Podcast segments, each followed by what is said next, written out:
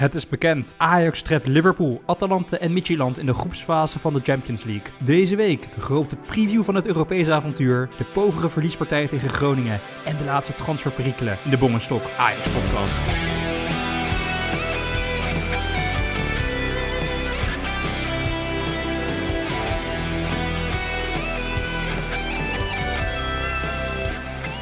Lieve luisteraars, voordat we beginnen, abonneer je even op de podcast waar je podcast uh, luistert. Spotify, Apple of, of Google Podcast of uh, wherever. Vertel het ook vooral aan je vrienden en vriendinnen. Dan maken we de Pokémon Ajax podcast steeds groter. Zo met de Champions League, dan mag dat ook wel. dan gaan we nog steeds meer afleveringen produceren. Dus hoe meer luisteraars, hoe beter. Ja, Stok, wij zeggen normaal als Ajax, hoe, hoe, meer ze spelen, hoe, meer content wij hebben. Nou, we hebben net Groningen Ajax gezien. daar willen we het eigenlijk liever niet over hebben. Dus misschien maar om dingen te, over te praten die eigenlijk leuker zijn. Hoe staat het met jou? Uh, is jouw leven momenteel leuker dan het leven van de Ajax-selectie? Ja, nou ja, kijk, uh, lieve luisteraars, wij zijn uh, vrij kritisch normaal gesproken op onszelf. Dus ik heb de afgelopen week heb ik intens, ja, eigenlijk onze podcast teruggeluisterd. En toen kwam ik erachter dat mijn stekje hier in Griekenland, daar zit eindig wat, wat echo erbij. Dus uh, ja, Bong, je, je, ziet het misschien op de webcam, maar ja, ik heb een deken over me heen getrokken. En uh, ja, ja, dus ik moet zeggen, ik zit er eigenlijk belabberder bij dan de Ajax-selectie op het moment, uh, moet ik eerlijk zeggen hoor. Ja, je ziet er een beetje uit als een slechte gekledere versie van Lawrence of Arabia, die zeg maar door Saudi-Arabië aan het trekken is met zijn hele grote tulband om zijn hoofd en om zijn lichaam ge gewikkeld. Het, ja, ik, ik, weet nou niet of dit de stijl is die je zou moeten nastreven, Stok. Maar wel klasse dat je dit doet voor onze luisteraars. Ja, we doen het allemaal voor de luisteraars. Maar ik moet zeggen, het is echt bloedheet. En uh, ja, dit, uh, het wordt tijd dat ik gewoon weer thuis dit ga opnemen. Met iets minder echo erbij. Want hoe warm is het nu waar je zit dan, Stok? Buiten, de, buiten het dekbed dat over je hoofd uh, zit. Ja, het is gewoon ruim 30 graden hier. Dus het is echt fantastisch weer. En vandaag is er een lekker briesje. En, en de zon, uh, ja, die brandt niet zo hard. Dus het, is een lekker briesje. Het is heerlijk om buiten te zijn. Dus uh, ja, traditioneel op zondag hebben we de barbecue maar weer eens aangestoken. En ja, we zijn eigenlijk de hele middag al, al buiten. Ja, speciaal voor, voor dit uh, weer even naar binnen gegaan. En nou ja, goed, een keer een, een deken over me heen. Het is weer ja, een nieuwe milestone eigenlijk voor onze podcast, Bonk. Ja, misschien ook wel een dieptepunt. Ik weet het niet precies. Maar... ik vind het wel een hoogtepunt voor onze luisteraars, een dieptepunt voor jou persoonlijk, Stok. Maar ja, ik vind wel, zeg maar, het, het, het, doet er wel een beetje, het geeft wel een beeld van mensen denken dat podcast opnemen, televisie maken, dat het allemaal high-tech is. Je moet ook gewoon creatief zijn in je oplossingen. Nou, en een deken over je hoofd om een echo te elimineren, vind ik uh, het toppunt van creativiteit, Stok. Dus uh, kudos, chapeau. Ja, maar ik moet zeggen, Bogger, kijk, de grap is altijd wel... Kijk, die microfoon die heb ik ondertussen naar zoveel landen meegesleept. En uh, elke keer bij het vliegveld is dat een probleem, hè? Want ze, die, denken, die mensen die denken echt dat ik iets illegaals aan het meesmokkelen ben. Gewoon omdat, ja, ik, ik, ik, haal dat ding dan uit elkaar. En dan denken ze in eerste geval dat ik een sniper of zo aan het meenemen ben. En dan, uh, ja, dan, dan de stand waar dat ding op staat, dat is toch wel van vrij massief uh, materiaal. Dus dan denken ze ook van, nou ja, mag dat wel mee in een vliegtuig? Ik heb er elke keer wel problemen mee. Dus ja, inderdaad, mensen denken dat tv maken of podcast maken, dat dat ja, iets heel simpels en makkelijks is. Maar nee, het is altijd zwoegen. Het is altijd zwoegen. het is waar, lieve luisteraars. Ja, we kunnen dat helaas niet laten zien. Misschien moet dat een keer op onze Instagram-account zetten, Stok. Maar inderdaad, de doos waarin uh, zeg maar de podcastmaterialen waar wij die opslaan. Nou, als je dat, dat is echt een ding om uit te pakken. Er zitten verschillende lagen in. En zeg maar met beschermend piepschuim. Een soort van ja, rare stof. Ja, en inderdaad, als je naar de films kijkt waar een uh, sniper van een afstand de president neerschiet van Amerika, weet je wel, in uh, Homeland of weet ik veel wat, dat soort series. Nou, dat is niet heel anders dan het materiaal waarin wij onze podcast opnemen. En uh, waarin het podcastmateriaal zit opgeslagen. Dus ik begrijp eigenlijk wel de verwachting van, ja, van de douanecontrole elke keer, Stok. Dus ja, misschien moeten we de... Ja, ja, misschien moet daar een soort van applicatie voor komen. Dat als wij gaan reizen, dat wij een soort van certificaat kunnen laten zien dat wij toestemming hebben om dit soort materialen mee te mogen vervoeren. Nee, je hebt helemaal gelijk. En misschien moeten we eens een keer een aflevering maken over uh, ja, hoe wij een podcast maken. Want ik moet zeggen, wij improviseren toch vrij veel uh, zo onderweg. Dus nee, ja, hartstikke leuk. Maar, maar we doen het graag. Maar ja, vandaag dus met een deken over mijn hoofd. Maar Bong, ja, je, je noemt uh, ja, aanslagen op de Amerikaanse president. En dat zijn vaak dingen die komen in films voor. Maar ja, deze week kwam, kwam het nieuws ook zo hard bij jou binnen. En is dit ook jouw veldmannetje van de week? Jawel, wat doe je nou? Absoluut de Donald. De Donald, we komen er niet onderuit. Dat is het, uh, het veldmannetje van de week, toch, uh, Stok? Dat hij corona heeft, of COVID-19, zoals ze dat in Amerika alleen maar noemen. Ze noemen dat in Amerika geen corona. Ik weet eigenlijk niet waarom. maar dat, oké, dat is een dingetje. Ik bedoel, de, de Boris Johnson heeft het ook gehad en ze zijn niet de eerste politici die dat hebben. Maar vooral het verhalen die daarna naar buiten kwamen. Stok dat hij eigenlijk al waarschijnlijk langer wist dat hij positief was, dat hij al uh, symptomen heeft gehad. En dat hij dan toch naar van die campagnebijeenkomsten met duizenden mensen in zo'n zaal op, als sardientjes uh, opgepropt bij elkaar zat. Dat hij met al zijn adviseurs gewoon aan het praten was in een vliegtuig. Besloten ruimtes, geen mondkapje, geen afstand. Ja, dan ben je toch het veldmandje van de week, Stok. Ik, uh, en er, blijven maar verhalen naar buiten komen die het eigenlijk alleen nog maar bizarder maken, deze situatie. Maar we komen niet onderuit, toch? De Donald die heeft hem meer dan verdiend, deze titel van de, het veldmandje van de week. Ja, inderdaad. Kijk, en eigenlijk al maandenlang neemt hij ontzettend veel risico wat dat betreft. Hè? Dus het was eigenlijk aftellen. Kijk, en um, wij gunnen hem natuurlijk of dat hij snel weer beter wordt. Hè? Laten we daar eerlijk over wezen. Maar ja, op dit moment roep je toch wel een beetje over jezelf af, moet ik zeggen. En uh, ja, hij moet zich realiseren, die, die man die is 74, is uh, ja, echt te zwaar. Hij is echt uh, obese, zoals ze dat in Amerika zouden zeggen. Ja, zo wordt het gekwalificeerd toch, zijn gewicht? Precies. Ik las, is dat, dat officieel dat hij in die klasse valt? Dat is wel een mooi verhaal trouwens. Hè. Dat eerste jaar toen de president was, één keer in het jaar dan, dan komt uh, zo'n dokter en die geeft dan een, een, medisch rapport over de president. En toen heeft hij dus tegen die dokter verteld van ja, mijn, mijn gewicht, die moet je wat omlaag halen.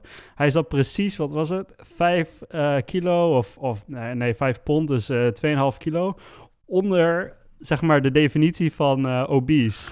En iedereen die zei, ja, houd er eens op. Dus kijk, die Donald is er wel bezig, maar hij had zich toch wel moeten realiseren toen hij al deze ongein aan het uithalen was, dat deze man, hij hoort gewoon in de risicogroep. Um, dus ja, wat dat betreft uh, ja, neemt hij aardig wat risico. En het was onvermijdelijk dat dit zou gaan gebeuren. Nou, laten we eerlijk wezen, we hopen dat hij snel beter wordt en dat hij op regelmatige manier misschien een verkiezingen, of verkiezingen verliest. Maar uh, ja, ja, zeker een veldman ja, nou, van de week. Ja, nou ook het verhaal dat naar buiten kwam. Het is nog steeds niet duidelijk, maar er gaan steeds meer geruchten en bronnen uh, die in het ziekenhuis werken waar Donald behandeld is. Want hij is echt naar het ziekenhuis gegaan, hè? Dat hij ja. toch aan de beademing heeft gelegen. Dus inderdaad hij gewoon dat hij in de risicogroep heeft uh, gezeten. Maar ja, dat vind ik eigenlijk één. Ik vind dat je, ja, dat je dat uit krijgen was inderdaad onvermijdelijk. Maar ik vind het wel erg slecht en onverantwoord als president van een land waar je toch de verantwoordelijkheid draagt voor de bevolking, voor de burgers die jouw land wonen, dat jij eigenlijk al jouw supporters die uh, bij zo'n campagnebijeenkomst bijeenkomen, al je adviseurs om je heen, daar weer toch een verantwoordelijkheid voor draagt. Je bent gewoon echt verantwoordelijkheid, een verantwoordelijke voor het land. Dat je al die mensen alleen met jou voor je eigen ego in gevaar brengt. Ja, en dat vind ik wel erg uh, verderfelijk eigenlijk. Ik ben helemaal eens hoor dat we hem het beste wensen. We gunnen niemand uh, een ziekte of, of, wat dan ook in het leven. Maar ik, ik, ik vind het wel van heel slecht en onverantwoord gedrag betuigen. Nee, deze man is ontzettend hypocriet gaat alleen uit voor ja, eigen gewin. En uh, wat dat betreft is het ook gewoon echt tijd, uh, wat mij betreft, en mijn, mijn persoonlijke mening, dat hij, uh, dat hij gaat verliezen over 30 dagen, geloof ik al. Hè? Ja, gaat er weer snel. Ja, ik ga er wel, dat, wel voor thuis blijven, moet ik zeggen hoor. Ik bedoel, ik hou van sport kijken, maar zo'n Amerikaanse verkiezing en hoe die Amerikaanse zenders dat doen, ja, daar kijk ik ook echt naar uit elke vier jaar, moet ik zeggen. Ja, nou ja, we hebben het al over gehad over een eventuele wielerpodcast rondom de Tour, rondom de klassiekers. Ja, jij weet dat ik dit ook uh, een uh, fascinerend onderwerp vind, de politiek in, uh, in Amerika of, of, waar dan ook. En misschien moeten we gewoon een live reactieshow gaan doen als die uitslagen binnenkomen per staat per staatstok. Ik denk dat de luisteraars, gezien de statistieken, dat kunnen wij natuurlijk zien anoniem op anonieme basis. Maar dat als wij het over politiek hebben, dat jullie luisteraars daar met aandacht naar luisteren. Dus er stok misschien een ideetje voor een special. Ja, misschien moeten wij gewoon een Twitter-account gaan beginnen, Bong. Dan kunnen we gewoon op alles constant reageren. Ja, ja, dat, ja dan kunnen we echt interageren met, uh, met de Donald op zijn, op zijn eigen medium, inderdaad. Maar goed, dit, dit blijft tenslotte een voetbalpodcast. En er is eigenlijk genoeg deze week om over te praten. Um, we, hebben het, we gaan het uiteraard aan het eind van deze podcast toch heel even kort over Groningen-Ajax hebben. De deceptie uh, die, die vandaag eigenlijk uh, ja, live op tv te zien was. Maar Bong, eigenlijk willen we het over iets hebben waar we het al maandenlang naar uitkijken. En dat is de loting van de Champions League. Want dat fantastische competitie, die gaat binnenkort gewoon weer beginnen. Ja, dat, uh, wij hebben natuurlijk leiden. We zaten met elkaar te appen terwijl die loting uh, gaande was. Alhoewel, nou, misschien even een, een zij, zijweggetje. Maar oh mijn god, kunnen ze niet die loting, gewoon de loting doen... en daarna voor de liefhebbers die awards uh, uitreiken.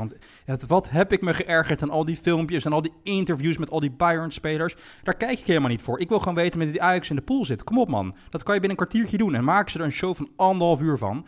Nou, daar heb ik me erg geërgerd. Maar ja, dan komen we uiteindelijk toch bij de, de loting... Ja, en eh, de uitkomst, eh, je kan alle kanten op redeneren, maar ik, eh, ik heb er bovenal heel Ja, erg veel zin in. Stok. en- Echt heel erg veel zin in. Ja, ik, ik weet niet of je die reacties online hebt gezien hebben. Maar vrijwel iedereen is het met elkaar eens dat het zijn vier aanvallend spelende ploegen. Dus dit gaat, een, hey, ik, lag, ik las ergens eh, op Twitter, zei iemand, eh, nou als er in deze groep niet meer dan 70 keer gescoord wordt, dan, eh, ja, dan weet ik het ook niet meer. en zo denk ik er ook over naar. Het zijn alleen maar aanvallende ploegen die vol voor de aanval gaan, echt voor de winst spelen. Alle vier. En het gaan fantastische wedstrijden worden. Maar ja, wel loodzwaar. Het had beter gekund. Ajax heeft nooit geluk met de loting. Dat weten we ondertussen. Daar hebben we al een hele podcast op een gegeven moment aan, aan besteed. Ajax heeft nooit geluk. En dat was eigenlijk eh, dit keer ook weer eh, ja, niet het geval. Ja, nou, we zitten natuurlijk met Liverpool, Atalanta en, en ja, Midtjylland. Eh, dat, is, dat is weer een nieuwe voor ons. Volgens mij ook de eerste keer voor hen in de Champions League überhaupt. Maar wij zaten te Eppenstok tijdens, tijdens de loting. En ik kan me goed, ik had nog goed voor de geest dat... Jij was toch wel redelijk pessimistisch, of tenminste... ehm, ja, wel een, een beetje beslagen door het feit dat het een hele zware loting was. Ehm, ik ik, ik had, zat er wat positiever in.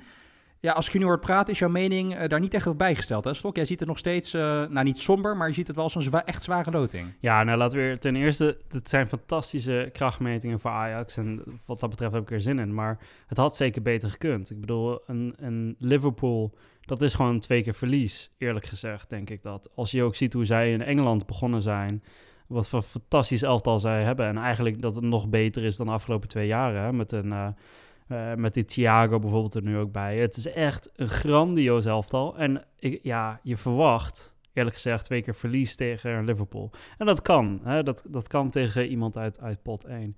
Maar ja, pot 2, daar, eh, ja, dat daar At- Atalanta uitkwam. Eigenlijk waren er maar twee slechte mogelijkheden. Eentje was Inter.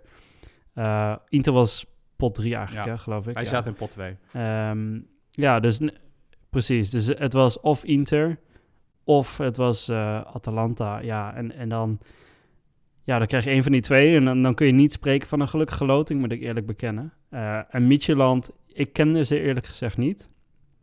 Ik eh, verwarde ze zelfs met Noordland, waar, waar Kudus vandaan kwam. Dus nee, ik, ik heb even... Ik ben er ingedoken, Bong. Ik weet dat jij wat onderzoek hebt gedaan naar Atalanta. Maar ja, ik heb me eens verdiept in, eh in Nou, zullen we het daar maar gelijk over hebben? Want dat is natuurlijk eh, Atalanta vorig jaar in de Champions League een, eh, toch wel een goede prestatie geleverd. Dat is, Midtjylland is natuurlijk de grote onbekende in deze pool. En wij gaan er natuurlijk allemaal vanuit, ja, de, de nummer vier, de, de zwakke broeder in de, in, in de pool. Daar moet Ajax gewoon makkelijk twee keer van kunnen winnen. Met het onderzoek en eh, de, de wijsheid die jij nu hebt over Midtjylland Stok, is dat ook een realistische aanname? Ja. ja, daar kunnen we heel kort over zijn. daar moet gewoon twee keer van gewonnen worden. ja. Nee, inderdaad, je zegt. Ik bedoel, uiteindelijk ga ik ervan uit dat Ajax die, die gaat strijden met Atalanta eh, voor de tweede plek. En eh, wat dat betreft het speelschema ook fantastisch. Hè? De laatste wedstrijd is Tijgers tegen Atalanta, dus eh, beter kun je het niet hebben. Maar over Midtjylland gesproken, ik ben er dus inderdaad even ingedoken. En ten, ten eerste, het is een ploeg die pas sinds 1999 bestaat. Hè? Pas ongeveer 20 jaar oud, dus dat is vrij jong. Al drie keer kampioen wel in de afgelopen vijf jaar. Maar het is de eerste keer in de Champions League. Daarvoor hebben ze een paar keer in de Europa League gespeeld. En dat deden ze, nou ja, niet echt noemenswaardig. Ehm, wat dat betreft staan ze ook 114e op de UEFA coëfficiëntielijst. Terwijl Ajax 21e staat. Dus dit moet een ploeg zijn die, die we moeten kunnen pakken. Maar ze spelen daadwerkelijk wel echt goed. Ehm, ze hebben zich gekwalificeerd door te winnen van Slavia Praag over twee wedstrijden. Dus in Praag was het 0-0. En eh ja, Ja, maar- heeft, heeft gewoon thuis 4-1 huis gehouden tegen Slavia Praag. Ja, maar Stok, we- kijk, bij- kijk ik, ik, Midtjylland is voor mij ook een grote onbekende. Maar kan jij me één speler van Slavia Praag opnoemen? Moeten we dat nou serieus gaan nemen? Is dat een meet, eh, meetlat? Ja, maar Slavia Praag is normaal gesproken echt wel een prima elftal. Wat je ook gewoon prima in, eh, in pot 4 tegen zou had kunnen komen. Dus ik wil alleen maar zeggen, dit is eh, niet eh, VVV-niveau. Nog steeds moet het makkelijk twee keer winst worden. Als je ook kijkt, ik heb toevallig even het team erbij gepakt. En gekeken naar de transferwaarde. wat er dan staat op transfermarkt. En eh, ze hebben maar één speler die, die boven de 2 miljoen uitkomt. Eh, een, een aanvallende middenvelder, die, eh, ja, die, die komt toevallig uit Brazilië. En volgens mij is het gemiddelde, als ik deze vent er even uithaal, is het gemiddelde waarde is iets van half miljoen of zo. Nee, dit is een hopeloos team. Dus daar moeten we van kunnen winnen. Maar Bong, wat ik wel leuk vind, en daarom heeft iedereen ook van dit soort positieve reacties over onze pool. Hè? Ehm, dit is wel een team dat eigenlijk een soort van een beetje het Ajax van Denemarken wil zijn. Dus waar zij zich op focussen is ehm, ja, e-, echt op de jeugd die ze hebben. Dus ze hebben een ontzettend grote, of een groot gedeelte van hun budget gaat naar het ontwikkelen van de jeugd. Ze focussen zich ontzettend op jeugdspelers. Uh, en voor Denemarkse begrippen hebben ze daar vrij veel succes mee. Ze hebben een paar spelers voor 4 of 5 miljoen al kunnen verkopen. Ik bedoel, dat is voor Ajax uh, ja, standaard natuurlijk niet zoveel. Maar, maar uh, zij staan er echt onbekend om aanvallend leuk voetbal te spelen met eigen jeugd. Ja, dat doet me wel een klein beetje denken aan een, aan een kleine Ajax. En wat dat betreft uh, kijk ik uit naar die wedstrijden, maar verwacht ik wel gewoon een ruime 5-0 zegen. Ja, nou, ik, ik, zat, ik had even de selectie gewoon doorgenomen. En de enige speler die ik ken, en dat is alleen maar omdat ik hem toevallig een keer heb zien spelen in een EK kwalificatie of wat is het? Een, op, ja, op een toernooi of een kwalificatie voor een groot toernooi voor Deens elftal. Dat is die Sisto. Volgens mij is dat een, een eh, rechts, uh, rechtsbuiten of zo. Dat kan ik me nog herinneren, die in Deens elftal speelde. Maar die kon er toen in de wedstrijd ook helemaal geen fluit van stok. Dus ik, ja, kijk, ik, denk dat het juist Ajax heel erg ligt dat, dat dit een ploeg is die niet in gaat zakken, weet je wel. Dat we de ruimte tegen krijgen die wil voetballen. Kijk, als je dan tegen echt een ploeg gaat spelen zoals, nou ja, daar gaan we het later over hebben, die zoals Groningen speelt tegen Ajax, ja, dan krijg je het risico dat het een keer gelijk spel wordt. Ja, ik vind nu dat je aan je stand verplicht bent met de ambities die we hebben, dat we deze ploeg uh, gewoon twee keer wegzetten en dat hier gewoon zes punten uit, uh, uit gaan komen. En ja, wat jij mij vertelt, uh, ga ik daar nou niet echt extra aan twijfelen dat het een moeilijkheid wordt, Stok. Nee, dit is een ploeg, die moeten we eerlijk gezegd, moeten we gewoon twee keer oprollen. En ik denk dat wat, wat wel een probleem hiermee is, Bong, dat de rest die doet dat ook. Dus ik denk echt dat deze pool die gaat erop neerkomen. Wat gaan wij tegen Atalanta doen? En hopelijk pakken we daar vier punten tegen. En ik vrees, met groot vrezen, dat, dat we moeten hopen dat Liverpool alles wint. Dat ze echt alles winnen. Want een Atalanta, die wil nog wel eens punten pakken, ook tegen zo'n Liverpool. Het is echt een hele stugge ploeg. Ik bedoel, jij bent er even ingedoken, maar ja, vandaar dat uh, toen wij aan het appen waren, dat ik niet erg enthousiast was. Want ik, ik zie echt... Uh, ja, echt problemen voor een Ajax tegen Atalanta. Ja, nou, ja en nee, Stok. Want ik, ik vind wel dat de reactie ook op de Nederlandse tv... dat echt van, oh, Atalanta was echt de slechtste uitkomst. Ik vind dat we dit met z'n allen wel erg overdrijven. Stok, ja, die hebben het vorig jaar goed gedaan in Europa. Kwartfinale gehaald. Nog steeds niet zo, zo goed als Ajax dat de afgelopen paar jaar heeft gedaan.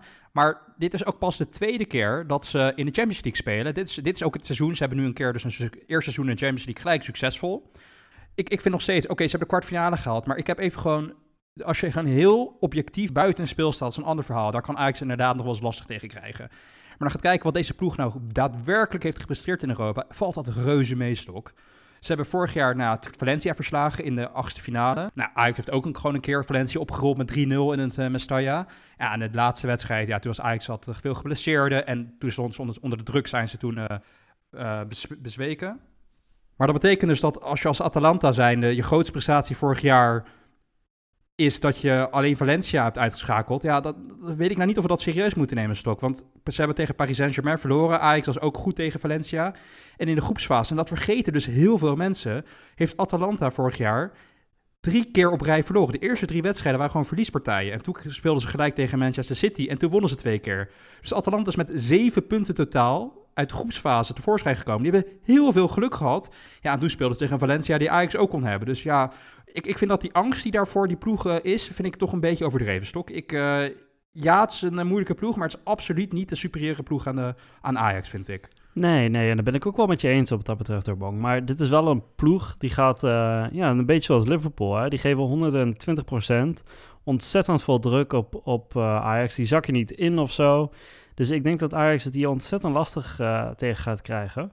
En ja, ik ben het ook wel met je eens dat qua niveau ligt het misschien niet zo heel ver uit elkaar. Um, maar ja, dit, dit is gewoon een hele moeilijke ploeg. En, en samen gaan wij uitmaken wie dan tweede wordt. Ik heb ondertussen wel even gekeken naar statistieken dit seizoen in Italië. En ze hebben gewoon de eerste drie wedstrijden hebben ze gewoon ruim gewonnen. Tegen Lazio, tegen Torino, wat dan een makkelijker is. En vandaag tegen, uh, uh, wat was het? Cal Cagliari. Cagliari. En ja, daar, daar winnen ze ook gewoon ruim van. Dus dit is een ploegpong die ja, die, die laat weinig heel van, eh, ja, van mindere teams. Dus op zich best wel een, een uitdagend maar, tegenstander. maar Stok, moeten we nu, eh, laten we hier gewoon even objectief naar kijken. Ja, ze doen het goed in Italië een paar jaar. Maar dit is het eerste seizoen dat ze het echt, dat ze eigenlijk onder druk staan. Vorig jaar mocht het allemaal. Nu, ze hebben kwartfinale gehaald in een, uh, ja, in een raar seizoen dan kan je toch gewoon zeggen, uh, dit seizoen moet het voor de eerste keer. En je, heel veel ploegen bezwijken dan onder. Als je de eerste keer zonder druk en zonder uh, wat dan ook kan presteren, je bent altijd de underdog. Nu worden ze eigenlijk door alle boekmakers ook. Iedereen verwacht dat Atalanta toch een lichtelijk favoriet is tegen opzichte van Ajax. Ja, dat is toch een andere situatie waarin je moet voetballen. En Stok, ik neem ook gewoon niet een selectie serieus waar de grote spelers zijn. Oh, kom op zeg, Sam Lammers, Hans Hatenboer en Martin Droon. Neem, moeten we dat nou als Ajax serieus gaan nemen? Kom op man, uh, we zijn hier toch echt een tandje beter dan deze gasten, vind ik persoonlijk. Maar uh, Bon, kijk, we hebben het vaker gehad over Hatenboer. En ik vind dat op zich best wel prima voetballen voor Ajax. En tenslotte is die toch wel een, nee. een tandje beter dan uh, Kleiber, onze nieuwe ster rechts achterin. Hè? Ja, nee, dan heb je toch liever een Hatenboer. Oké, okay, fair enough. Maar kan je, mij, kan je mij nu opnoemen wie de sterspeler is van Atalanta? Hans Hatenboer. ja, nee, maar dat... heb, heb, je die goal van hem ja. gezien? Nee, ik, ik kom prima... Heb je die goal ja. van hem gezien? Fantastische ja, goal. Maar kom op man, dat als Hans Hatenboer je beste speler is... Nou, de beste speler is die, die spits volgens mij, die Zapata. Die kan wel een uh, balletje uh, trappen. Maar ik vind de selectie... Ze hebben een hele goede trainer, ze hebben een goed systeem. Maar ik vind dat qua spelersmateriaal echt niet beter dan Ajax. Weet je wel wie, wie, wie ze het verkocht hebben vorig jaar... of dit seizoen aan uh, wat een grootste verkoop is? Als je dat tegen tegenzet tegen wat Ajax heeft verkocht deze zomer. Dan kan je dat ook niet serieus nemen, Stok. Ze hebben een rechtsback verkocht aan Leicester City voor, uh, weet ik veel, 20 miljoen. Zo'n kastanje heette die volgens mij. Als je dat wegzet tegen de clubs waaraan Ajax verkoopt, tegen Chelsea, uh, Barcelona, Manchester United. Ja, ik vind dat wij gewoon onszelf tekort doen dat wij denken dat Atalanta nou zo'n goede ploeg is. Ja, het is een lastige ploeg en we moeten ons daar goed op voorbereiden. Maar als je naar de selectie kijkt, naar de druk die erop staat voor beide ploegen, hoe ze gepresteerd hebben in Europa, buiten hun competities, vind ik dat Ajax gewoon eigenlijk lichtelijk favoriet is stok tegen Atalanta. En dat, uh, ik vind dat we daar gewoon een keer uit die onderdog-positie moeten weten te manoeuvreren. En dat we gewoon serieus even ja, wat zelfvertrouwen mogen geven. Dat we best trots op onszelf mogen zijn, heel eerlijk gezegd. Maar Bong, uh, kijk, ik heb toevallig even naar een speelschema gekeken. Hè, want ik, oprecht ben ik het nog wel met je eens. En ik denk dat de eerste tegenstanders die ze ja, in het huidige seizoen gehad hebben... ook uh, weinig laten zien van het huidige Atalanta. Maar uh, komende week spelen zij gewoon wel uit tegen Napoli. Kijk, dat is wel echt een serieuze wedstrijd. Dus misschien volgende week, onderwerpje... gaan we eens even kijken hoe zij het tegen Napoli uit hebben gedaan. Want ik denk dat dat veel gaat zeggen over dit Atalanta en hoe serieus wij het moeten Ja, nemen. nee, daar ben ik wel met je eens. Want ik, als ik persoonlijk gewoon... Ik ben niet een uh, aficionado van het Italiaanse voetbal. Maar wij volgen natuurlijk gewoon het voetbal over het algemeen wel. Maar we zijn het toch allebei over eens dat Juventus en Inter op een heel ander niveau zitten dan de rest van de ploegen in Italië. En ik denk, ben al lang blij dat we Inter niet hebben gelood. Ja, eens, eens. En, en de Napoli ook niet, hè? Ik bedoel, wat dat betreft, ik schat de Napoli ook hoger normaal gesproken. Ja, precies. En ik weet nou niet of de nummer 4 in Italië echt beter is dan nummer 1 in Nederland. Kijk, ja, de Italiaanse competitie is natuurlijk al jaren al een beetje naar achter aan het uh, glijden. En daar, daarom heb ik daar mijn grote twijfels over. En ik denk dat we gewoon het feit dat het een Italiaanse ploeg is, dat we daar enorm gaan uh, dat overschatten. Want ook wat je terecht al eerder aanhaalde, hun speelstijl is totaal niet Italiaans. Hè? Dat is echt veel meer, uh, ja, een beetje het Ajax-spelletje, toch? Ja, het is heel erg Duits eigenlijk, hè? Het is ontzettend hoog druk zetten. Ja, uh, ja, echt een tegenstander problemen brengen en daar vervolgens van profiteren. Ja, en uh, dat, kijk, het is wel een ploeg waar je zegt, daar heb je de ruimte mee om te voetballen. Um, zij willen ook mee voetballen, veel hoge druk zetten, bal eerst snel veroveren. En ik denk dat dat is zeg maar buiten de selectiekwaliteit en uh, de druk die misschien Atalanta gaat voelen ten opzichte van uh, vorig jaar. Dat gaat de crux worden, want als Atalanta is een ploeg die net zoals Groningen, dat we vandaag hebben gezien, die, toch best wel vroeg druk zetten om te zorgen, te zorgen dat Ajax niet onderuit kan voetballen. Daar gaat de grote sleutel liggen. Kan Ajax de verdediger, de middenvelders en de verdediging er makkelijk uit combineren, zodat ze dat onder, dat druk, uh, onder de druk kunnen uitvoetballen, zonder elke keer naar terug te moeten pasen. Ja, ik denk dat er een hele belangrijke rol gaat uh, liggen voor Daley Blind. Daley Blind is natuurlijk de, een van de beste verdedigende voetballers die Nederland, misschien wel Europa heeft op het moment. Maar de anderen om hem heen moeten dat ook gaan doen. En Onana weten we, die kan dat wel. Maar er zijn natuurlijk wel een paar spelers om hem heen. In de, de verdedigende middenvelding, uh, voor de, de middenveld, de verdedigende linie. Die daar af en toe een beetje moeite mee hebben. En als, als die mensen dat goed kunnen oplossen. Dan zie ik uh, dat Ajax echt wel een hele goede kans heeft tegen Atalanta Stok. Ja, en weet je voor wie ik dan denk dat er echt een cruciale rol weggelegd is? Dat is voor, uh, voor Kudus op die, op die positie. Om inderdaad onder druk een bal aan te nemen een man uit te spelen, om eromheen te draaien en zo ruimte te creëren en, en het spel voor te zetten. Um, iets wat we vandaag bijvoorbeeld ontzettend gemist hebben. Maar ik denk oprecht dat, ja, we, moeten helaas al vertrouwen op zo'n jong talent die eventueel ons helpt om onder dat soort zware druk uit te kunnen voetballen. Ja, nou ja, kijk, en Kudus, weten we al, ja, die hebben we allebei gezien. Ik bedoel, er zijn er allebei wel over uit dat dat gewoon echt een toptalent is. En ik maak me eigenlijk niet zoveel zorgen over hem. Waar ik me dus wel echt zorgen over maak, en daar gaan we het later straks over hebben, want uh, er zijn nog wel transfergeruchten op uh, bepaalde posities. Maar het is vooral de rechter uh, middenvelder, dus waar momenteel Edson Alvarez een basisplek heeft, en de rechter centrale verdediger Per Schuurs, die als ze Atalanta gewoon Deli Blind onder druk zetten en ze laten Per en Alvarez voetballen, is dat dan goed genoeg? Kunnen zij ook onder die druk uitvoetballen? Kunnen zij de juiste oplossing vinden en het spel vooruit helpen in plaats van het spel vertragen? En daar gaat de crux liggen. En ik met Alvarez, ja, dat hebben we allebei gezien, die is daar niet echt klaar voor. En Schuurs, ja, dit wordt gewoon voor hem de litmus-test. Wordt hij de centrale verdediger van Ajax 1, ja of nee? Ja, dan moet hij nu gaan bewijzen in de wedstrijden tegen Atalanta. Kan hij, kan hij daar gewoon een, een niveautje hoger komen en kan hij zich bewijzen op dat niveau? Als hij dat wel kan en uh, ten oog vindt een oplossing voor Alvarez of voor het middenveld, ja, dan heeft Ajax gewoon een hele goede kans tegen Atalanta. En zo niet, ja, dan, dan kan Ajax het er naar de lasten gaan krijgen. Ja, volledig mee eens. Maar um, denk je dat wij ook een kans hebben tegen Liverpool? Of ben je het met me eens dat wij gewoon uh, twee keer de, eraf gaan? Dat is wel de meest realistische uitkomst. Laten we heel eerlijk zijn. Die vorig jaar uh, met hoeveel puntverschil konden ze kampioen worden? Maar 30 of zo? en als je dat doet in de Premier League. Ja, ruim over de 20. Ja, nou laten we heel eerlijk zijn. Uh, Liverpool is zwaar een zwaar favoriet tegen Ajax. Ook hun Europese prestaties. Finale gehaald. Um, kampioen, de Champions League gewonnen. Vorig jaar ook finale gehaald, toch? Ja, dan... Uh, of was het Paris Saint-Germain? Nee. Sorry, dat is Paris Nee, Saint-Germain. nee, nee. Ze zijn er vorig jaar Ja, uitgegaan. nou, hè? ja, sorry, je hebt gelijk. Ja. Ja. Nee, maar dat is gewoon al jaren achter elkaar een topploeg in Europa en in Engeland. Ja, ja dat, ik moet eerlijk zeggen dat ik me daar wel zorgen over maak. Eh, de- vooral die aanvalstok. Ik bedoel, eh, die Sané, die Salah en die Firmino, dat is wel echt geweldig hoor. Ja, dan 100%. En dan dat middenveld daar. Nu met een Thiago er ook bij. Man, man, man. Ja, het, het is echt om je vingers van af te likken. En ze spelen op zijn klops, hè. Echt dat enorme... Ja, dat... dat er zit zoveel passie in dat team. En eh, zij gaan echt in de, in de zevende versnelling gaan het eigenlijk. Het, is, het, is, het gaat ontzettend lastig worden. Maar denk je dan... En Ten Hag, kennende, gaat hij dit niet doen. Maar denk je dat Ajax zich aan moet passen aan dat spel van Liverpool? En dat ze misschien eens een keer gewoon in moeten zakken... en met een Anthony en een Neres en een Promes... gewoon eens een keer op de counter moeten spelen? Goede vraag, maar het probleem dat ik denk is dat, dat je daar toch sowieso toe wordt gefacheerd door Liverpool. Want die zijn ook in balbezit heel sterk. Ik denk niet dat je daar onderuit komt dat je verdedigend gaat spelen. Gewoon door het feit dat Liverpool gewoon qua kwaliteit en spelersmateriaal superieur is, toch? Ik denk je er eh, misschien je opstelling op kan aanpassen. Iets meer snelheid, iets meer diepgang. Maar ik denk dat je sowieso niet situaties gaat komen. Ja. Ja, want Ten Hag kennende gaat hij gewoon uit van de kracht van Ajax. En dat willen we natuurlijk ook graag zien. Maar een beetje realistisch moet je natuurlijk ook wel wezen. En in dit geval ga ik ervan uit dat ja, het meeste balbezit zal bij Liverpool zijn. Eh, het grootste gedeelte van de wedstrijd zal op de helft van Ajax afspelen. En ja, wat dat betreft, misschien moet je eens een keer, eh, ja, echt, eh, ja, geen Labiat. Maar daar gaan we het zo meteen nog over hebben. Sowieso geen Labiat. Maar een keer met een Anthony, met een eh, Promes en met een Neres gewoon een ontzettend snelle voorhoede hebben. Precies. Om er gewoon eens een keer uit te komen. Ja, nou, dat denk ik ook. Maar laten we ook eerlijk zijn. Je moet in de Champions League... Kijk, wij zeggen wel, Ajax heeft geen geluk met de loting. En dat is ook echt waar. Aan de andere kant, je speelt in de Champions League. Voor de spelers is natuurlijk ook een schitterend moment om je te meten met de top. En ja, er is buiten in Europa bijna geen topclub zoals Liverpool op het moment. Die domineren echt in Europa. Het is een beetje Bayern en Liverpool zijn momenteel de standaard hè, in Europa. Ja, dat is voor de spelers natuurlijk ook geweldig. En dan moet je gewoon accepteren dat je... Ja, het is de Champions League. Je gaat niet elke wedstrijd winnen zoals je dat doet in de Eredivisie. Alhoewel dit weekend natuurlijk een ander verhaal was.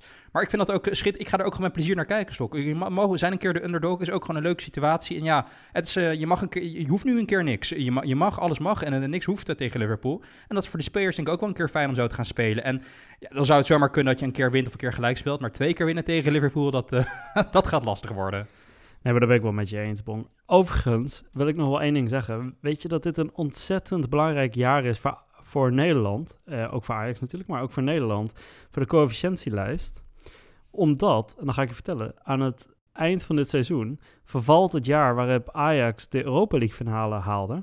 En daar heeft Ajax ontzettend veel punten gesprokkeld. Dus het is ontzettend belangrijk dit jaar voor Nederland dat een van de teams, of ja, liever nog meer, het vrij goed gaan doen. Want anders, die, die comfortabele negende positie die we op dit moment hebben op die lijst, die raken we eventueel kwijt. Aan de andere kant, België ontzettend dichtbij. België gaat ook heel veel punten kwijtraken. Dus misschien kan Nederland, als wij het goed doen, ook gewoon weer een stapje omhoog zetten. Dus wat dat betreft, hè, eh, Ajax heeft misschien geen mazzel. Maar laten we toch met z'n allen hopen dat ze het goed doen. En eh, ja, dat hopen we ook voor de andere Nederlandse ploegen. Ja, absoluut. En ik moet één ding wil ik nog in aan toevoegen aan eh, wat Ajax wel gaat helpen, denk ik, is het speelschema. Want Atalanta en, en Liverpool spelen zeg maar twee keer achter elkaar. Dat zijn dan de derde en de vierde wedstrijd in de groepsfase. En er is natuurlijk een hele grote kans dat Liverpool zoiets heeft van... oké, laten we deze wedstrijden vol gas geven, want dan zijn we gewoon klaar. En dan zijn ze naar vier wedstrijden gekwalificeerd. En dan zijn ze al nummer één. Weet je, dat je dan twaalf eh, punten uit vier wedstrijden hebt. Dat is voor Liverpool een heel realistisch scenario. En dan kom je in een situatie dat Ajax speelt de vijfde wedstrijd tegen Liverpool. Dat Liverpool dan niet meer hoeft. En dan kan je een keer een punt pakken of misschien een keer voor een verrassing zorgen en echt winnen. Dus ik denk dat het speelschema wel voordelen heeft voor Ajax. Dat Liverpool op dat moment, de laatste wedstrijd, wat minder hoeft. Dus je hebt ze in het beginfase dat je ze kan verrassen. Dat je een eerste wedstrijd hebt. Dat is toch een, een dobbelsteen die je kan opwerpen. Je weet nooit hoe een ploeg uit een competitie komt, blessures, et cetera. En dan de vijfde wedstrijd dat ze eventueel gekwalificeerd zijn. Dus het speelschema is een klei, het zal een kleine invloed hebben, maar is potentieel wel in het voordeel van Ajax ten opzichte van, uh, van Atalanta, denk ik. En vooral als je de historie of de gegevens van Ajax erbij pakt de afgelopen jaren. Uh, Ajax speelt beter, Europees gezien, uit dan thuis. Hè? Dat, dat weet je ondertussen ook. Uh, we wonnen uit van Valencia, verloren thuis. We, we hadden moeten winnen uit tegen Chelsea, we verloren thuis. Dus het is ook wel lekker dat die vijfde wedstrijd dat die gewoon op Anfield is. Want uh, ja, dan heeft Ajax duidelijk meer, meer kans dan, uh, dan in de Johan Cruijff Arena. Ja, absoluut. Dus uh, ja, ik, kijk, we kunnen het heel lang kort over gaan hebben, Stok. het wordt gewoon een heel interessante en competitieve Champions League groepsfase. De, jij bent wel iets negatiever dan, dan ik ten opzichte van Atalanta, maar denk je dat we het uiteindelijk gaan redden, ja of nee? Oeh, 50-50. Um, ik heb ik heb er oprecht wel vertrouwen in. Maar uh, ja, de eerste wedstrijd die komt al sneller. En uh, er moeten nog wat versterkingen komen bij Ajax. Ja. Dat denk ik echt. Dat denk ik ook. Ik denk dat op het middenveld, als we daar nog een... Uh, nou, daar gaan we het zo over hebben, want die is net binnengekomen, ken ik. Net geconfirmeerd de transfer van Davy Klaassen van Werder Bremen. Die tijdens de podcast is, deze, is het nieuws naar buiten gekomen dat het officieel is. Ja, als ze die, die oplossing hebben, dan uh, zie ik het eigenlijk wel als rooskleurig in, uh, tegen, in de, voor de groepsfase. Ik, ik denk dat het uh, een twee derde kans is dat we doorgaan en een derde kans dat we de derde plek behalen, Stok. Nou, dat is optimistisch, optimistisch. Ik ga er sowieso, er moet een 100% kans zijn dat wij gewoon die derde plek pakken. Hè? Dus we gaan sowieso overwinteren in Europa. En zo niet is dit echt een regelrechte schande en de meest zwarte bladzijde van Ajax zijn geschiedenis eigenlijk, als we dat niet halen. Ja, als, maar, als, ja maar dan is het ook ten nog uh, oud, toch? Laten we eerlijk zijn. Ik ga voor de lol, komend weekend ga ik Midtjylland kijken. Gewoon om een keer te kijken, waar hebben we het nou precies over? Nou, dan ben je echt... Want het kan toch weinig soep zijn, eerlijk gezegd. Ja, dan, weet je, als je dit gaat doen, dan, dan vind ik dat we jou Jan Boskap moeten gaan noemen. Dan ga je echt van idiote competities kijken, stop. Midtjylland, dat doe je echt niet voor je plezier. Dan ben je gewoon obsessief. Nou ja, kijk, ik, ik weet dat uh, Jan, die, uh, die houdt van Feyenoord, maar misschien wil hij ook een keertje aanschuiven, Bon. Dan gaan we hem gewoon vragen over Micheland. Ja. Waarom ook niet? Ja, precies. Het is, het is wel kenner op dat gebied, denk precies. ik. Onze, onze Jan. Ja, een, ja. een vaste kijker van de Deense competitie. Ja, waar vind je die nou tegenwoordig? Maar goed, uh, kijk, dat is de, de UEFA Champions League. Ontzettend veel zin in en toch wel wat potentie in de huidige loting, duidelijk. Ik heb vandaag uh, wat minder potentie gezien, moet ik zeggen, Bon. Wat was dat slecht, Stok. Oh mijn god. Het was echt... Uh, ja, het was zo'n klassieke Ajax-wedstrijd die je eens in de zoveel tijd tegenkomt. Dat ze gewoon niet gemotiveerd overkomen. Weet je, altijd zo'n vroege, vroege starttijd. Dat je om half één was het kwart over twaalf deze keer zelfs. Dat ze ook nog uitspelen. Uh, dat de spelers gewoon slecht uit de startblokken komen. En je voelt hem gewoon aankomen. Ik heb geen enkel moment in deze wedstrijd gevoeld dat Ajax gaat hem winnen. Geen enkel moment. Het is echt, uh, ja, een beetje deprimerend. Dat, zag, dat zeg je wel, maar de eerste 15 minuten had Ajax vrij veel uh, pressing nog wel. Hè? Veel corners ook. Maar je ziet dat die corners zijn totaal niet gevaarlijk. Ik bedoel, de enige gevaarlijke moment kwam uit het feit dat Tagliafico kon koppen. Nou ja, dat is echt een kleinste man op het veld. Dus hoe dat nou mogelijk is, weet ik ook niet. Maar nee, het is een typisch, wat je zegt, een typisch... Ja, een typische wedstrijd waarvan je weet, Ajax die, die verliest er een paar van in het seizoen. Ajax was aan het vechten tegen zichzelf. We moeten Groningen ja, niet tekort doen hoor, maar toch ook wel een beetje. Want het ligt 100% gewoon bij Ajax dat we deze wedstrijd uh, hebben verloren. 100%. Geen kans uitgespeeld, geen enkele mogelijkheid gehad. We hebben dan toevallig twee keer de lat geraakt in één actie. Maar ja, goed, uh, telt dat nou echt mee? Nee. Het was hopeloos. Ja, nee, absoluut. Maar vond jij ook niet dat als je heel objectief de wedstrijd bekijkt. Ja, Ajax heeft wel twee, drie grote kansen gekregen. Weet je, twee keer op de lat, de ka- kans en promes. Maar ik heb het de hele wedstrijd het gevoel gehad dat Groningen, Groningen dreigender was. Dat als zij in de counter eruit kwamen, dat ze altijd met twee man, dat ze een kans hadden. En ik had bij Ajax dat gewoon, het deed me een beetje denken aan de de boerwedstrijden, breien, maar niet gevaarlijk. En terwijl Groningen dat wel was. Ja, maar Bong, het kwam echt daadwerkelijk door het middenveld, wat mij betreft. Ehm Promes die was vandaag niet in vorm. Daar kunnen we heel kort en duidelijk over wezen. Vrijwel geen enkele aanname was goed. Eh, hij had geen dreiging, hij had geen diepgang. Hij wilde altijd de bal aan de voeten en vertraagde het spel. Het was niet om aan te zien. Dus Promes die viel al uit. Maar ik heb de rest van het middenveld. Kijk, we hebben het gehad over Gravenberg. En dat dit zijn seizoen moet zijn waarop hij moet opstaan. En hij moet die basisplek eh, af gaan dwingen eigenlijk.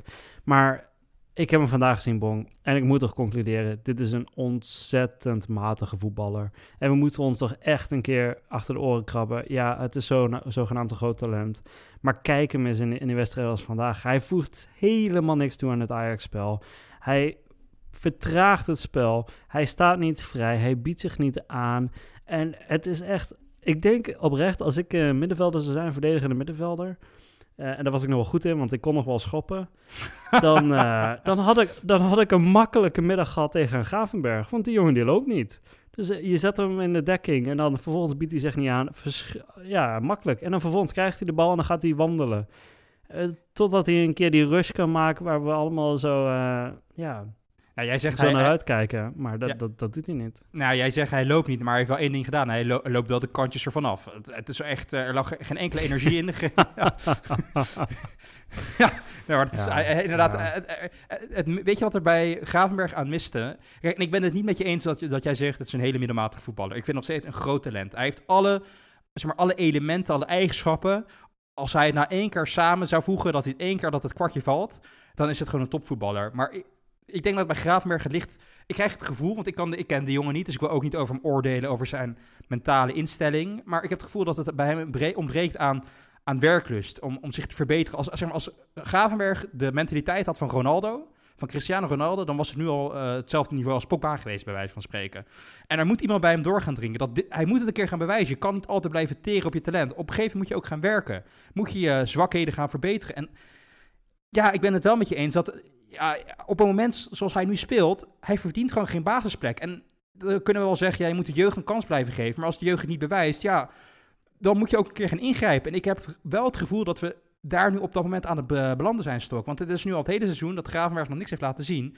Eh, ja, het is maar twee wedstrijden, maar je speelt wel aan de top. En na twee wedstrijden slecht bij Ajax, dan hoor je gewoon op de bank. Klaar. Ja, precies. Kijk, en hij heeft geen krediet. Deze jongen die moet het gewoon echt laten zien. Die moet hard knokken. En ik schrijf hem ook nog niet af, hè, maar hij moet inderdaad, wat jij zegt, hij moet die stappen gaan zetten. En dat zeggen we eigenlijk al het hele seizoen, weet je. Dit is zijn seizoen. Nou, zet die stap nou eens een keer, weet je wel. En in dit soort wedstrijden vooral, hè. Ik bedoel, Ajax eh, heeft vaak problemen in dit soort wedstrijden. Maar dit zijn nou de wedstrijden waar het lukt niet. Ehm, en dan moet je knokken. En dat deed hij niet. Hij liep niet vrij. Hij zette niet die extra paar stappen. eh rende niet de extra paar meters die hij wel had, had moeten verzetten wellicht. Hij, hij liet zijn kopie hangen en dat was het wel, weet je wel. En het was dramatisch. Kijk, en, en wat dat betreft ben ik ontzettend blij dat het nieuws tijdens de podcast naar buiten kwam dat Davy Klaassen nu waarschijnlijk gaat komen. Want dit is nou een jongen, die doet dat wel. Die knokt tot de laatste minuut, ook al loopt het niet. En dat heeft een Gravenberg ook echt nodig, wil hij die stap eens een keer gaan zetten. Ja, dat ben ik helemaal met je eens. Maar wij zeggen nu wel dat Gravenberg het probleem is. En ja, tuurlijk zijn spelers, alle spelers, buiten misschien Jurie en Timber, hebben ja, niet hun niveau gehaald. Maar wij hebben Ten Hag best wel lang verdedigd. Zeker ten opzichte van de Telegraaf, die eh nog onderuit willen eh, halen. Nou, ik ben heel benieuwd naar de, naar de krantenkoppen morgen bij de Telegraaf, bij de Telesport, hoe eh, Valentijn eh, dit weer aan ten, ten Hag gaat toebedelen. Maar ik vind dat we, mogen we nu een keer kritisch over op hem zijn deze keer. Want het is nu al een paar wedstrijden lang dat hij heel star aan dezelfde opstelling vasthoudt, aan dezelfde manier van spelen, met dezelfde spelers. En het werkt niet. En het werkt maar niet. En dan wisselt hij ook nog een keer onbegrijpelijk. Ja, mogen we nu niet gewoon een keer een, wat, wat, ja, gewoon een, stukje schild bij Ten Hag leggen, Stok? Absoluut. En dat hebben we vaak gedaan. Hè? We hebben heel vaak gezegd dat Ten Hag is echt een goede coach, heeft een goede ja, speelwijze. Maar wisselen kan die vent niet. En dat heeft hij vandaag weer laten zien. Maar het grootste frustatiepunt wat ik toch wel met hem heb, is dat naar, ondanks dat er een goede voorbereiding was, hebben we toch met z'n allen kunnen concluderen dat Labiat, die moet gewoon op de bank, weet je. Dit kan gewoon niet. We moeten gewoon een of een Tadic, of een, eh, ja, of een, gewoon een andere speler, moet er gewoon op 9 hebben staan. Een Labiat, dit kan toch gewoon niet. En Bong, weet je, weet je wat ik gezien heb vandaag? Wat mij echt opgevallen is? Nou, Dat zelfs de Ajax-spelers, die slaan Labiat over. Die spelen hem de bal gewoon niet toe. nou en terecht, maar, maar weet je wat dat zijn probleem is? En dat gaat Kleiber ook krijgen straks. Het is het, het, is het favorietje, het kindje van Ten Hag. Hij heeft hem meegenomen vanuit eh, Utrecht. En hij heeft zo ongelooflijk veel krediet en niemand begrijpt waarom. Hij heeft het nu vier wedstrijden, vier keer basis heeft hij mogen bewijzen. En vier keer is het niks. Het is precies wat Einstein zegt. Als je elke keer maar hetzelfde blijft proberen en het resultaat blijft hetzelfde, dat is de definitie van waanzin. Je moet gewoon een keer iets anders proberen, creatief zijn. En hij blijft maar vasthouden aan Labiat. Het is gewoon klaar. Niemand begrijpt het. En als zelfs die spelers niet eh, het begrijpen, dan krijgt hij straks echt het risico dat hij krediet gaat verliezen en geloofwaardigheid binnen de spelersgroep. Ja, dan kom je als heel snel op heel glad ijs hoor, als trainer zijn. Dus hij moet echt gaan opletten. En iemand moet hem gewoon erop wijzen dat het eh, anders moet. En laten we eerlijk wezen, Bong. Je bent eh, spits van Ajax. En ja, kijk, je moet Ajax dan beter laten voetballen, maar je moet ook gewoon scoren, want je bent de nummer 9 van Ajax. Deze jongen die heeft nu vier wedstrijden stond hij in de basis en vier keer heeft hij gewoon niet gescoord. Dus hij faalt hopeloos op die positie. En dan kun je die voorbereiding kun je gewoon vergeten. Je moet hem er gewoon uithalen. Dat is Ajax onwaardig. Prima bankspeler voor op de flanken, maar niet op de nummer 9 positie. Laten we daar nou eens een keer een Tadic neerzetten. Probeer eens een keer met een Traoré. Maar vooral nu met Davy Klaassen die dan komt, zet dan Klaassen eens een keer op 10. En zet Tadic dan in het centrum en Promes aan de linkerkant als je vindt dat Neres nog niet fit genoeg is. Want blijkbaar vindt hij dat. Anders is het niet te verklaren dat hij nu al eh, niet gewoon Labiat eruit haalt en eh Neres op links zet. Dat is onverklaarbaar en echt hopeloos ja, beleid van Ten. Dat vind ik dus ook. En waar ik het dus het meest aan stoor is... Je weet dat je dit... Iedereen, heel Nederland ziet dat het een keer moet veranderen. En het wordt eigenlijk... Het wordt straks een dingetje dat... Elke trainer heeft dan een keer last van... Dat hij gewoon aan zijn eigen eh, idee al. Denkt van, nee, ik heb gelijk.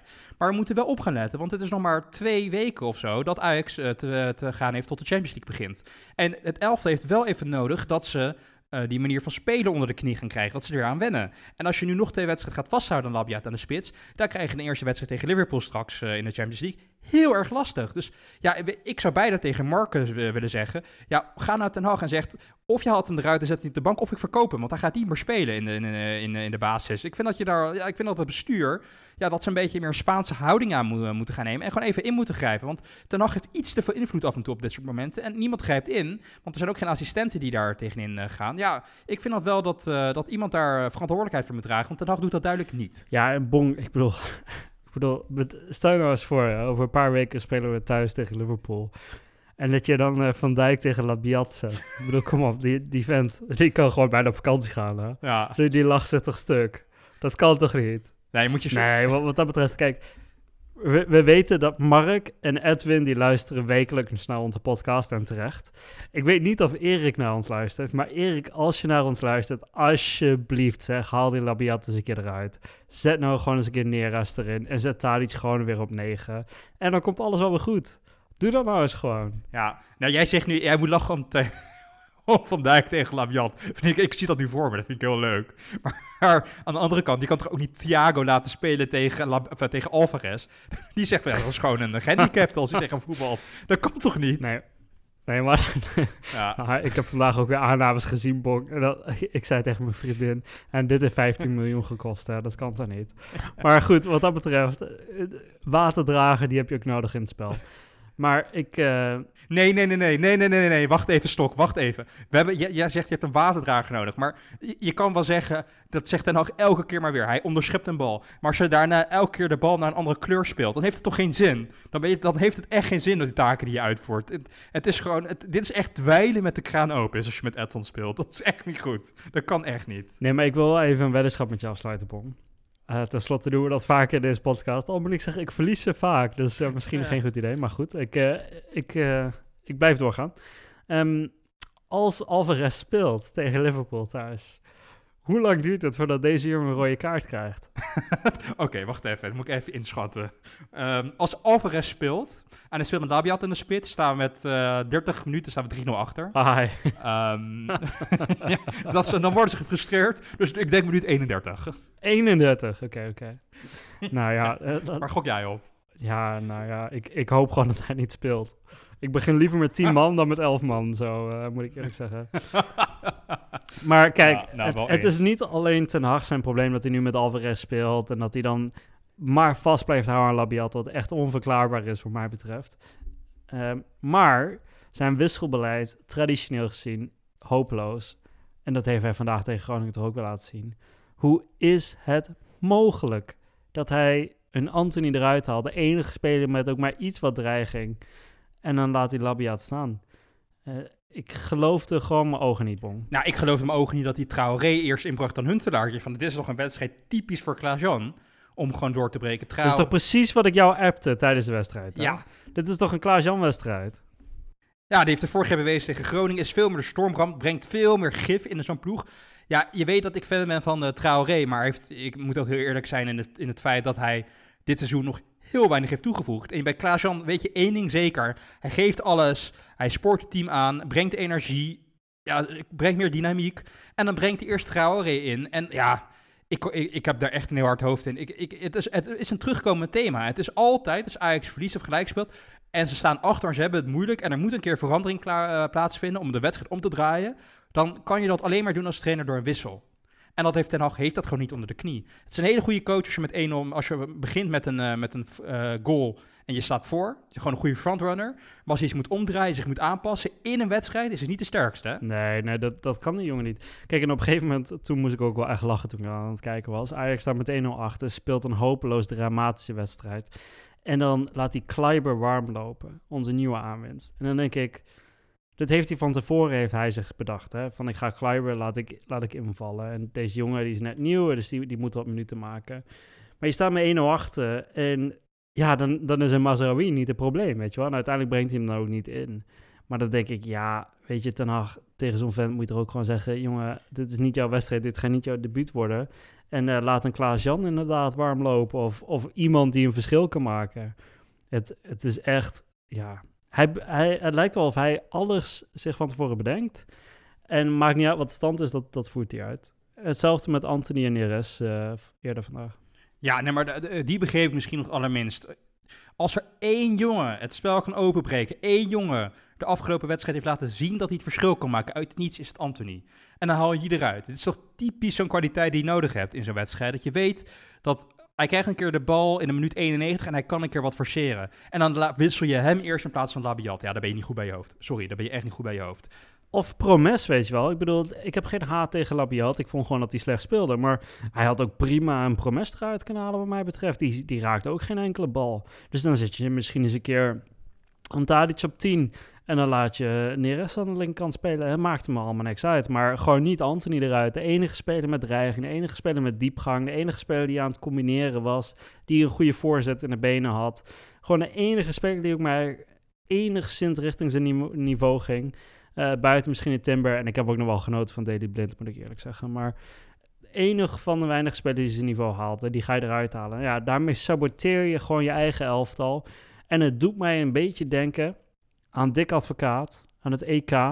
Robben voor uh, Bosveld. dat was een beetje eenzelfde soort wissel. Nou, ik moet ook zeggen, dat, dat was wel een stukje erger. Hè? Want Robben, die was, al, die, die was echt geniaal in die wedstrijd. Maar ik begrijp het sentiment achter dit statement. Maar dit is wel een uh, hele, hele harde vergelijking, uh, Stok. Ja, maar even dramatisch, Bon. Ik bedoel, het principe is gewoon hetzelfde. Je haalt je beste speler er eigenlijk gewoon uit. De enige speler die dreiging heeft. Uh, ongelooflijk. Nee, Ten Hag scoort ruime onvoldoende deze week. En normaal gesproken zijn we vrij positief. We zijn geen Telegraaf.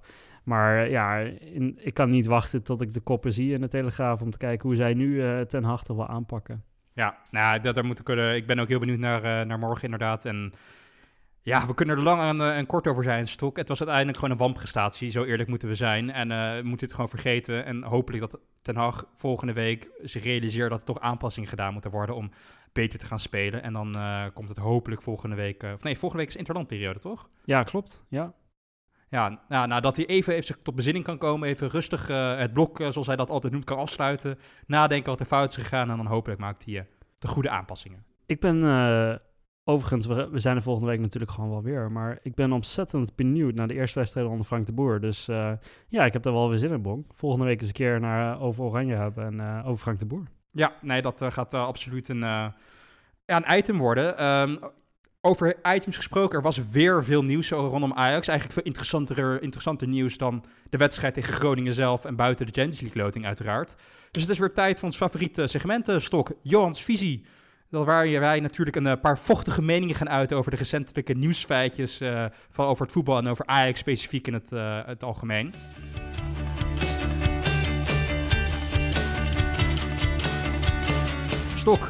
Ja, ik weet niet of je het meegekregen, maar om maar gelijk met de deur in huis te vallen. Valentijn Driessen die, uh, die vindt dat Taya Fico niet goed genoeg is voor Ajax 1. Ben je het daarmee eens?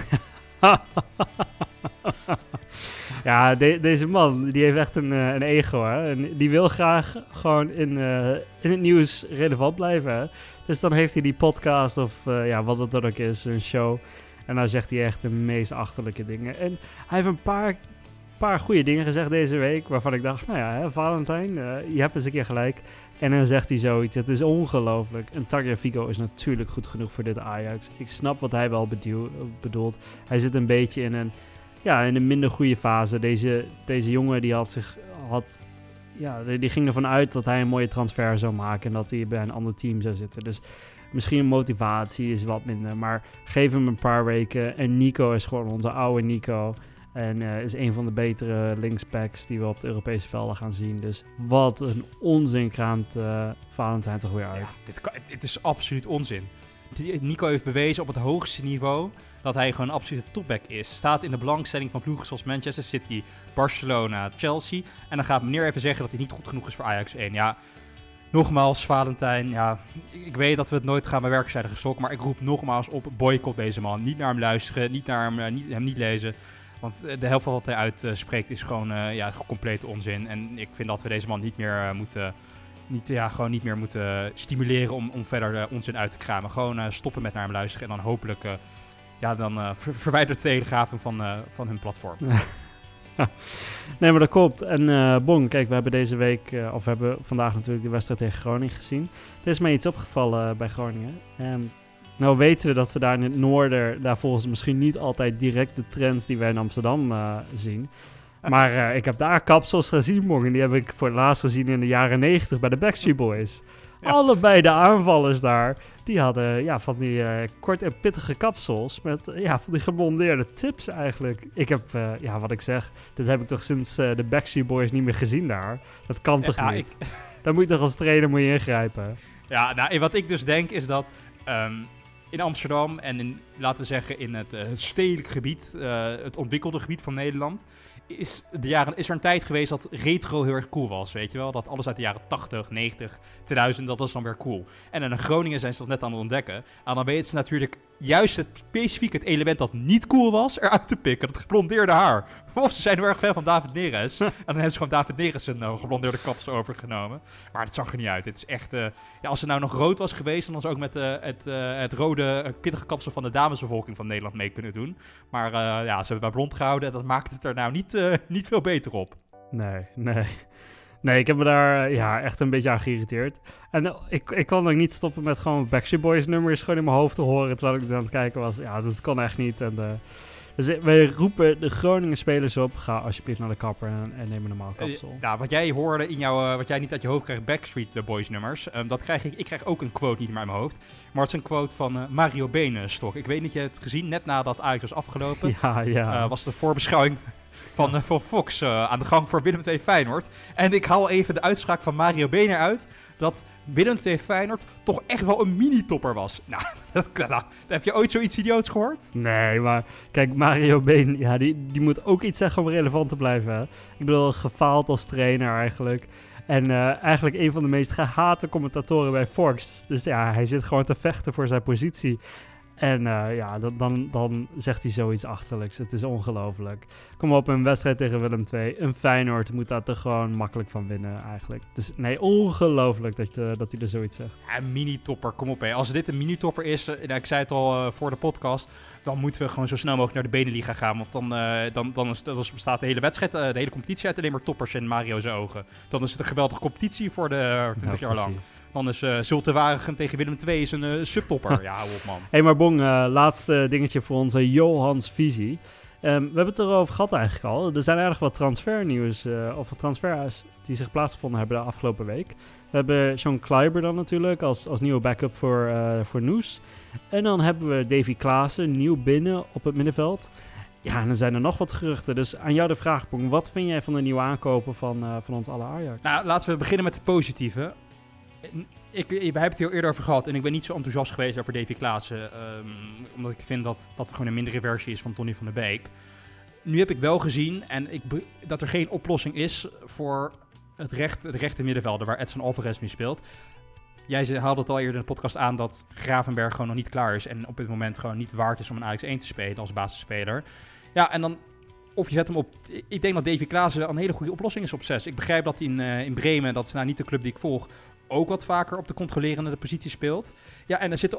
Ik was er eigenlijk niet van bewust ook, maar hij heeft ook een goede leeftijd, 27. Ik dacht dat hij al 29 was. Ja, misschien dat ik, ik vind de transfersom wel wat hoog, maar ik zie ze, het nut van hem wel eh, steeds meer in, moet ik eerlijk zeggen. Ja, precies. En wat we al eerder zeiden, hè, dit is wel een speler. eh, zijn baastechniek is prima. En ja, dat kun je van een Alvarez bijvoorbeeld al, al niet zeggen. Dus wat dat betreft is dat al ja, een gewin eigenlijk. Maar daarnaast, hij was ook fundamenteel belangrijk in dat seizoen waarop Ajax de Europa League finale haalde. Door het team aan te sporen en leiding te geven over wanneer moet er nou druk gezet worden en wanneer niet. Hè? Wanneer beginnen we nou met z'n allen naar voren en wanneer niet. En daarnaast heeft deze, en dat is ontzettend belangrijk voor dit Ajax op dit moment, hè, voor het spelletje van vandaag. En ten derde is het ook ontzettend belangrijk. Dit is misschien een mindere versie van Donny, maar wat hebben we die diepgang nodig? Wat hebben we een box-to-box speler nodig die die diepgang zoekt? En dan met een Kudus die het straks kan bereiken en een eh, Promes die, die, ja, die dat iets minder heeft. Maar ja, we hebben een lopende speler nodig. Een speler die niet een bal aan de voeten moet hebben, maar die misschien een, ja, gewoon in de diepte wil hebben. En dat brengt een Klaassen wel. Dus ondanks dat het niet per se een stap vooruit is van ja, wat we kwijt zijn geraakt, een Donny. Ontzettend nuttige speler, denk ik, voor dit Ajax. Juiste leeftijd, bre- brengt ervaring, aanvoerde bij Werder Bremen in Duitsland al een hele tijd. Dus nee, wat dat betreft een prima aankoop en echt eentje die we goed kunnen gebruiken, eh, denk ik. Over eentje, ja, daar ben ik helemaal met je eens. Maar eentje die we waarschijnlijk niet goed kunnen gebruiken. Tenminste, ja, ik vind het echt een belachelijke aankoop. Ik weet niet hoe jij erin staat, maar Sean Kleiberstok, zeg het maar. Is dit eh, weggegooid geld of gaan we hier wat aan hebben? Nee, dit is weggegooid geld. Dit is een, eh, een voormalig lievelingetje van Ten Hag die dan, eh, die dan komt. Kijk, een prima backje hoor. Helemaal geen probleem mee. Maar als je dit toch als Ajax zijn en niet kan opleiden... Hè, want we hebben het gewoon over een vervanger van Noes. Het is niet een, een potentiële basisspeler. Dat zal die nooit worden. Dus dit is gewoon een, gewoon een, eh, ja, een, een backup. Nou, dan moet je toch... eh, ik heb vandaag die Timber zien spelen en die speelde prima. Nou, die kun je toch ook gewoon op de rechtsbackpositie laten spelen. Het is wat mij betreft weggegooid geld. En dit is gewoon eh, een typisch Ten Hag die zijn zin doordrijft. Want dit is een vo- voormalig lievelingetje. En die, ja, goed. We gaan hem een paar wedstrijden zien en dan vervolgens verkopen we hem weer, joh. Dit is echt weggegooid Ja, geld. Maar ik vind het wel een signaal dat we. En, en ik denk dat we op de lange termijn, misschien volgend seizoen of in de winter, waarop terug gaan komen. Maar waar ik een beetje angst voor heb, Sok, is dat Ten Hag een hele grote invloed heeft in het transferbeleid van Ajax. Dat Overmars wel vaak zijn oren naar hem laat hangen. En dat vind ik wel. eh, ja, ergens wel heel erg gevaarlijk. Want de op- aankopen die Overmars doet zonder Ten Hag, dus een Kudus of een Anthony, die hij uit de hoge hoed tovert, die vallen veel beter uit dan de aankopen die Ten Hag wilt. En die hebben geen restwaardes. Een Kleiber, 26 al. Ja, hoeveel potentie heeft die jongen nou nog? Ja, niet heel veel meer. Ja, ik vind dat ze daar wel een scheiding tussen moeten gaan maken. Want Ten Hag, je, je weet het nooit. De trainer is een passant. Hoe lang zit hij nog bij Ajax? Komt er een keer een trein voorbij? Gaat, wordt een keer ontslagen? Ja, dan zit je straks met een Kleiber en een Labiat. Ja, dan... Wat moet je daar nou mee? Ja, nee, helemaal, helemaal met je eens. Ehm, overigens denk ik wel dat zo'n ja, zo'n Ten Hag... Hij heeft geen geluk gehad met geen enkele speler die hij hadden. Labiat, ja, die, die brengt het toch ook niet. En Kleiber, die brengt het niet. Het is allemaal een beetje drie keer niks wat, eh, wat, wat hij wil halen. Ja, nee, ben ik helemaal met je, met je eens. Over misschien wel iets uh, dat uh, drie keer wel iets zou zijn. Maar dat is misschien een beetje een droomtransfer. Maar toch een beetje werd aangeserd, de geruchten. Mo Ihataren-stok. De gro het grote talent van PSV. Uh, Nederlands elftal speler al, nog niet gedebuteerd. Maar die uh, was precies begonnen met Ajax te volgen op, op Instagram, onze social media kanalen. En PSV te ontvolgen. Geloof jij erin dat dat een eventueel geruchtje is, slash transfer voor deze periode of in de toekomst? Ja, weet je, we hebben het vaak over gehad. I Iatare is gewoon een fantastisch talent. Speelt, eh, ja, wat is hij, 17, 18. Speelt heerlijk bij PSV. En wat zouden we graag bij Ajax willen zien? Het doet me wel een beetje denken, Bong. eh, denk even een paar jaar terug aan eh Aysati, die toen kwam van PSV. Ook zo'n fantastisch talent. Die kwam toen ook naar Ajax toe en die faalde ook hopeloos. Die onder, wat was het, Dick Jol nog de tribune op en af moest lopen als, als straf. Ehm, ik hoop dat I- Iatare overigens voor hem, hè, ik bedoel, ze hebben nu een trainer waar, ja, die kan er geen zak van. Dus eh, ja, die, die stelt eh, een Bruma op in plaats van een Iatare, dan, dan ben je echt niet goed wijs. Maar ik hoop wel dat die jongen mentaal een stap kan zetten. Hè, dat hij gewoon wel hard blijft werken, dat hij wel gewoon eh, bij het Nederlands elftal eventueel eh, gewoon laat zien dat hij een fantastische speler is. En als hij dat doet, dan hoop ik inderdaad dat Mark gewoon een, ja, de telefoon oppakt. En eens een keer met Gerbrands gaat praten. Ja, ik zie, het, ik zie het wel gebeuren, Stok. Ik denk dat deze trainer, de PSV heeft er heel veel in geïnvesteerd. Die gaan ze echt een kans geven. Die relatie tussen die twee lijkt nu al gebroken. Ik denk dat Ian Taren, die zit best wel een moeilijke periode natuurlijk achter de rug. Ook op persoonlijk gebied, dat speelt ook mee. Zijn vader die helaas is overleden. Wat toch een steun en toeverlaat was. En je kan heel veel dingen over Ten Hag zeggen. Maar hij heeft het wel altijd met dergelijke types. Die, die soms te boek terecht of niet eh, te boek staan als een, als een moeilijk type. Daar kan hij wel mee omgaan. En ik zou het heel graag zien, Stok. Leg dat geld neer dat ze ook voor Anthony hebben neergelegd. En koopt Iataren daar. Want ik vind het wel een veel groter talent dan een uh, Aysat Stok. Dit, dit, dit, zou, potentie is dit... Dan heb je een middenveld. Moet je, ik droom even nu hoor. Maar dan heb je Kudus, Iataren en, en Klaas op middenveld. Ja, dan kan je in Europa echt heel ver hoge ogen gooien. Dan kan je heel ver schoppen en hoge ogen gooien. Ik, eh, ik, ik, ik, het blijft een droom en dat zal waarschijnlijk niet gebeuren deze transferperiode. Maar wat god, wat zou ik het graag zien. Ja, ja helemaal met je eens, Bonger. Als hij die stap zet, dan uh, ja, is Iatare echt perfect voor het Ajax-systeem, voor het Ajax-spelletje. Voor inderdaad Ten Hag als een coach, daar gaat hij ongetwijfeld wat goed mee vinden. Dus ja, een Iatare bij Ajax, ja, dat, dat is een droom. Maar ik denk dat dat niet dit jaar gaat gebeuren. Maar wie weet, misschien uh, volgend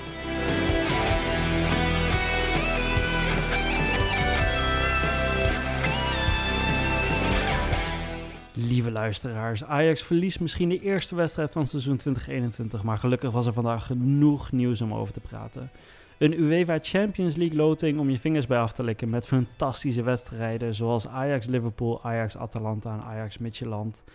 Wij kijken er ontzettend uit om die wedstrijd te kijken, maar ook uiteraard om daar een podcast over te gaan maken. Volgende week zijn we er gewoon weer met een aflevering over Frank de Boer en zijn Oranje. Tot volgende week.